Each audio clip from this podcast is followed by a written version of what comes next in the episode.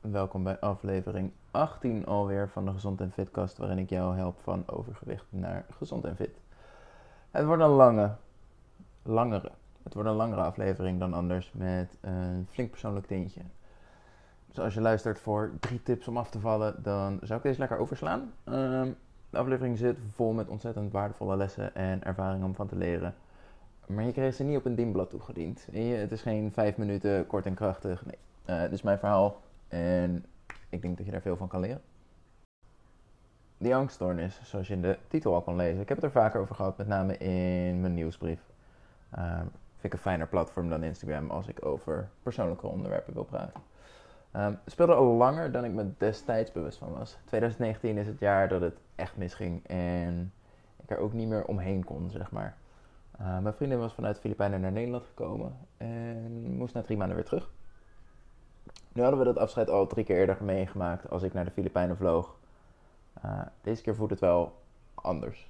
Ik had nergens energie voor. Ik voelde me ongemotiveerd en lag nachtenlang wakker te piekeren doordat ik, of te piekeren dat ik door mijn gebrek aan energie en motivatie het nooit voor elkaar zou krijgen dat we samen konden wonen.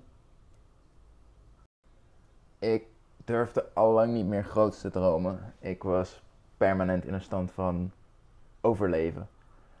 Um, om je een idee te geven hoe slecht dit was voor mijn leven als ondernemer en leefstijlcoach. Uh, om in Nederland een visum te krijgen, moet je als ondernemer, ik geloof grofweg, 1700 euro per maand verdienen.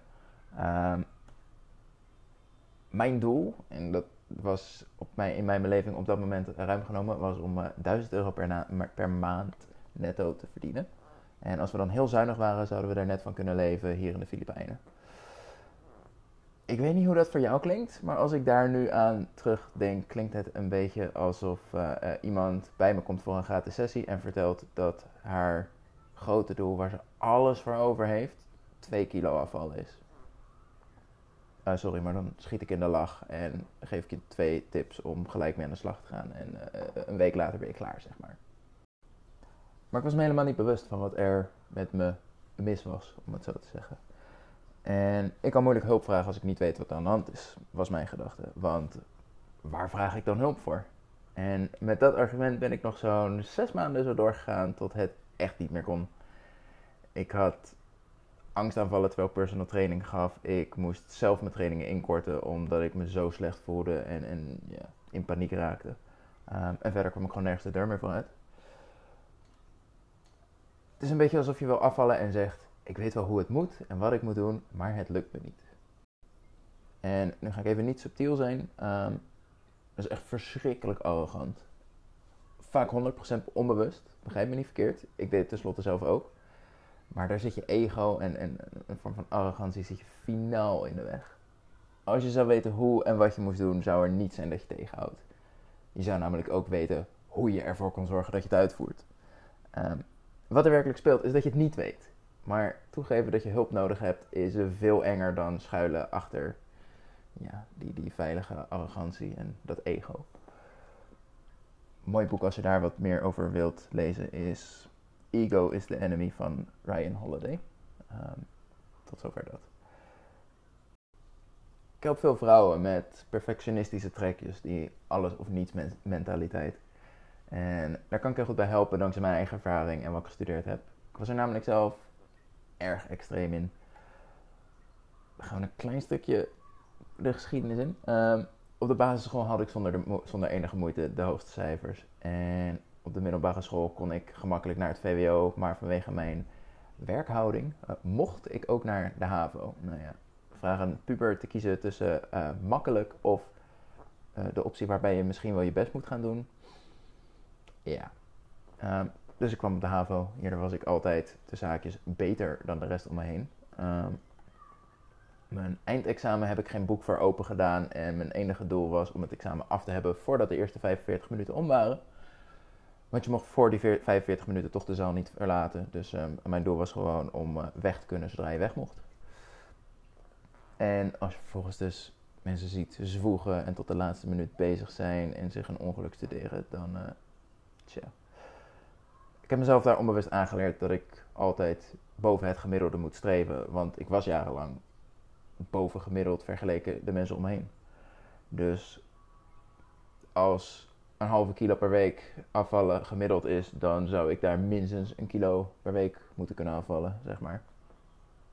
Dus waar een ander hulp inschakelt, moet ik het zelf kunnen. En dit ging allemaal nog steeds onbewust. Was helemaal niet met mijn gedachten op die manier bezig destijds. Maar na zes maanden en nauwelijks nog kunnen leven en functioneren, eh, kwam ik toch bij de huisarts aan. Dat is niet helemaal waar trouwens. Ehm, ik kwam bij de huisarts aan omdat er een gezwel zat waar je die als man absoluut niet wil hebben. Ehm, dus nadat ik met spoed diezelfde dag nog een echo moest laten maken in het ziekenhuis, gaf ik bij het bespreken van de resultaten aan, waar overigens niets aan de hand was. Um, goed aardig en, en verspreid niet en whatever. Um, aan dat ik last had van angstklachten. Want eh, als je dus al nachtenlang wakker ligt over hoe ga ik uh, ooit samenkomen met mijn vriendin, um, de angst dat je kanker hebt, gaat daar niet heel goed mee samen, zeg maar. Maar ik gaf dus aan dat ik angstklachten had. Want ja, ik had het voor elkaar mezelf een diagnose te geven. Want ik ga natuurlijk niet daar komen met ik heb ergens last van en kan je helpen uitzoeken wat dat is. Um, anders had ik waarschijnlijk destijds mijn mond niet eens opengetrokken. Um, dat ego en perfectionisme is echt iets waarmee je je eigen geluk verziekt. Als ik nu zo terugkijk. Ik had daar vijf gesprekken met een GGZ-medewerker. Ik geloof dat het de POH-GGZ heet. Ik heb geen idee waar het voor staat. Um, het was fijn dat er iemand was met aandacht voor mij en mijn problemen, maar het was niet heel succesvol. Um, behalve dat ze zelf erg veel en ik nauwelijks mijn verhaal kon doen, betrapte ik mezelf erop waar ik mee bezig was. Spelen dat het weer beter ging en dat het probleem opgelost was. Want hè, ik ben boven gemiddeld, ik moet daar niet te lang mee zitten, ik heb hulp gehad. Het moet nu goed zijn. Um, mezelf en haar voor de gek houden dus. Maar met ons laatste gesprek over drie dagen deed ik geen oog meer dicht en wist ik dat ik eigenlijk geen hol verder was.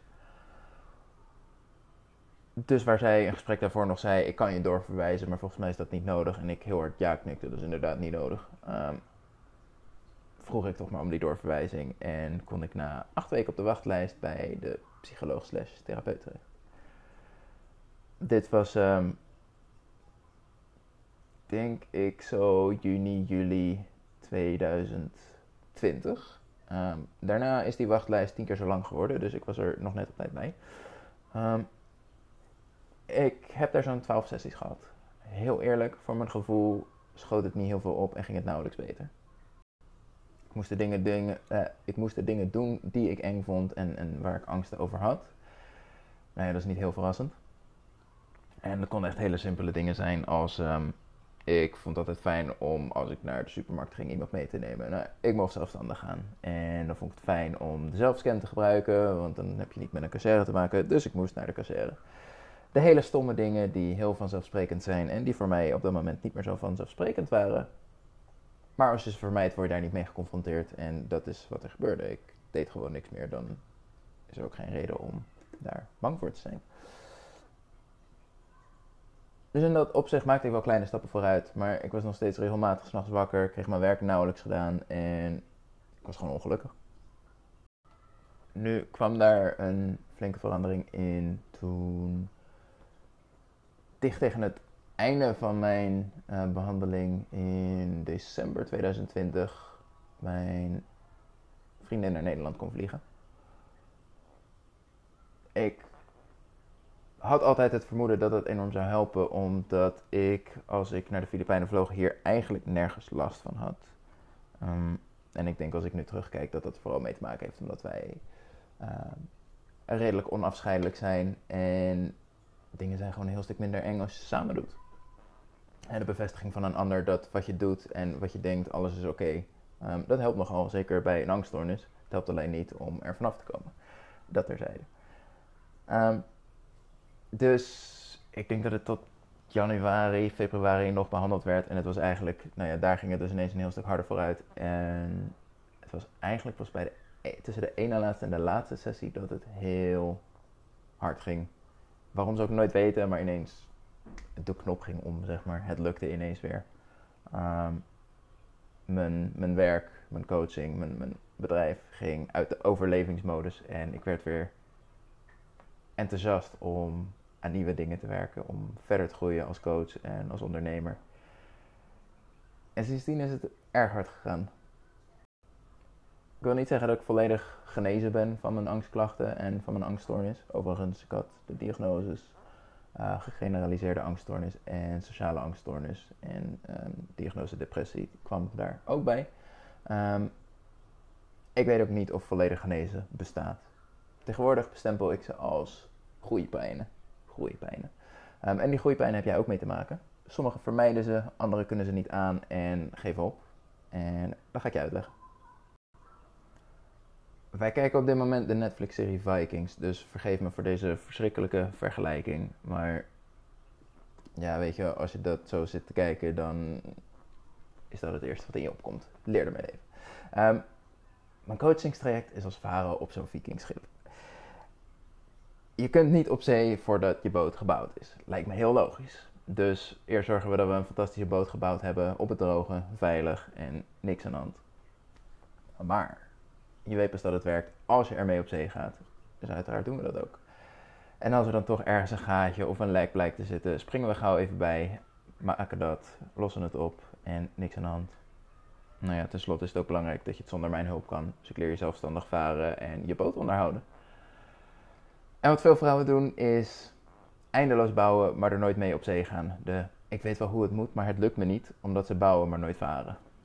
Eindeloos zoeken naar het perfecte dieet of e-plan in plaats van erin uitproberen en deze bijstellen totdat die wel werkt.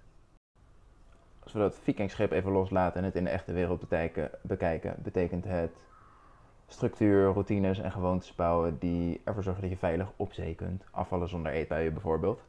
En als het dan toch een keer misgaat, bijspringen en ervoor zorgen dat de oorzaak van het probleem opgelost wordt. En eerst gaat dat met hulp en uiteindelijk kun je dat zelfstandig. Bijvoorbeeld een caloriedoel van 2000 calorieën om af te vallen. Vervolgens maak je een eetplan waarmee je dit kunt aanhouden. Past het toe in het echte leven, waardoor je problemen tegenkomt, waardoor het plan tijdelijk even niet werkt. Zoals etentjes, uh, je cyclus, een partner die vaak ongezond eet enzovoort. Je pakt het probleem aan of past het plan aan en gaat daar net zo lang mee door tot het werkt en je je doel bereikt hebt. Dan om dit verhaal weer even terug naar mezelf te halen. Het is wanneer ik spannende dingen doe als mens of als ondernemer, dat ik dat onderbuikgevoel van angst weer voel opkomen. Twee jaar geleden dacht ik dat ik nooit meer dan vijf vrouwen tegelijk zou coachen. Meer dan dat zou ik qua tijd, energie en aandacht niet aankunnen, had ik mezelf wijsgemaakt. Um, toen dat er toch meer werden, kwam dan ook de onzekerheid van, kan ik dat wel? Dat is dan ook waar dat belachelijk lage doel van 1000 euro in de maand vandaan kwam. Want vijf cliënten, ik zou nooit meer durven vragen dan 200 euro in de maand. Um, ja, dat dus. Um, kan je niet heel lekker van leven, durf ik wel uh, te stellen. En nu gebeurt eigenlijk hetzelfde. Vandaar ook dat ik deze aflevering um, besloot op te nemen. Sinds we in de Filipijnen zijn en ik niet meer werkzaam ben als personal trainer naast mijn uh, online coaching, gaat het hard. Heel hard. Um, waar ik mezelf waarschijnlijk zes maanden geleden nog vertelde dat ik dat tien cliënten echt de grens zouden zijn wat ik aan kan. Um, het is tenslotte één op één begeleiding en dat vereist flink wat aandacht en energie. En waarschijnlijk zit ik, el, of, eh, waarschijnlijk zit ik eind deze maand op uh, 20. En dat voelt ongemakkelijk en onzeker, want het is nieuw. Maar behalve dat ik effectiever en zuiniger met mijn tijd om moet gaan, is er niets veranderd aan de kwaliteit van mijn coaching. Sterker nog, die wordt alleen maar vele malen beter en wordt ook sneller beter. Dankzij alle ervaring die ik opdoe en de aanpassingen die ik daarop maak op mijn traject. En het allerbelangrijkste daarin is plannen. Een doel zonder plan is een droom. Succes overkomt je niet, daar maak je een plan voor en dat voer je uit. En een andere fijne uitspraak die daarop aansluit is: um, zoveel tijd als je ergens voor inplant, zal je ook gebruiken. Dus als ik twee uur zou inplannen voor deze podcast, dan zou ik waarschijnlijk een uur scrollen op Instagram, omdat ik toch tijd genoeg heb. 30 minuten inspiratie opdoen en dan in 30 minuten snel nog iets opnemen, want mijn tijd zit er bijna op.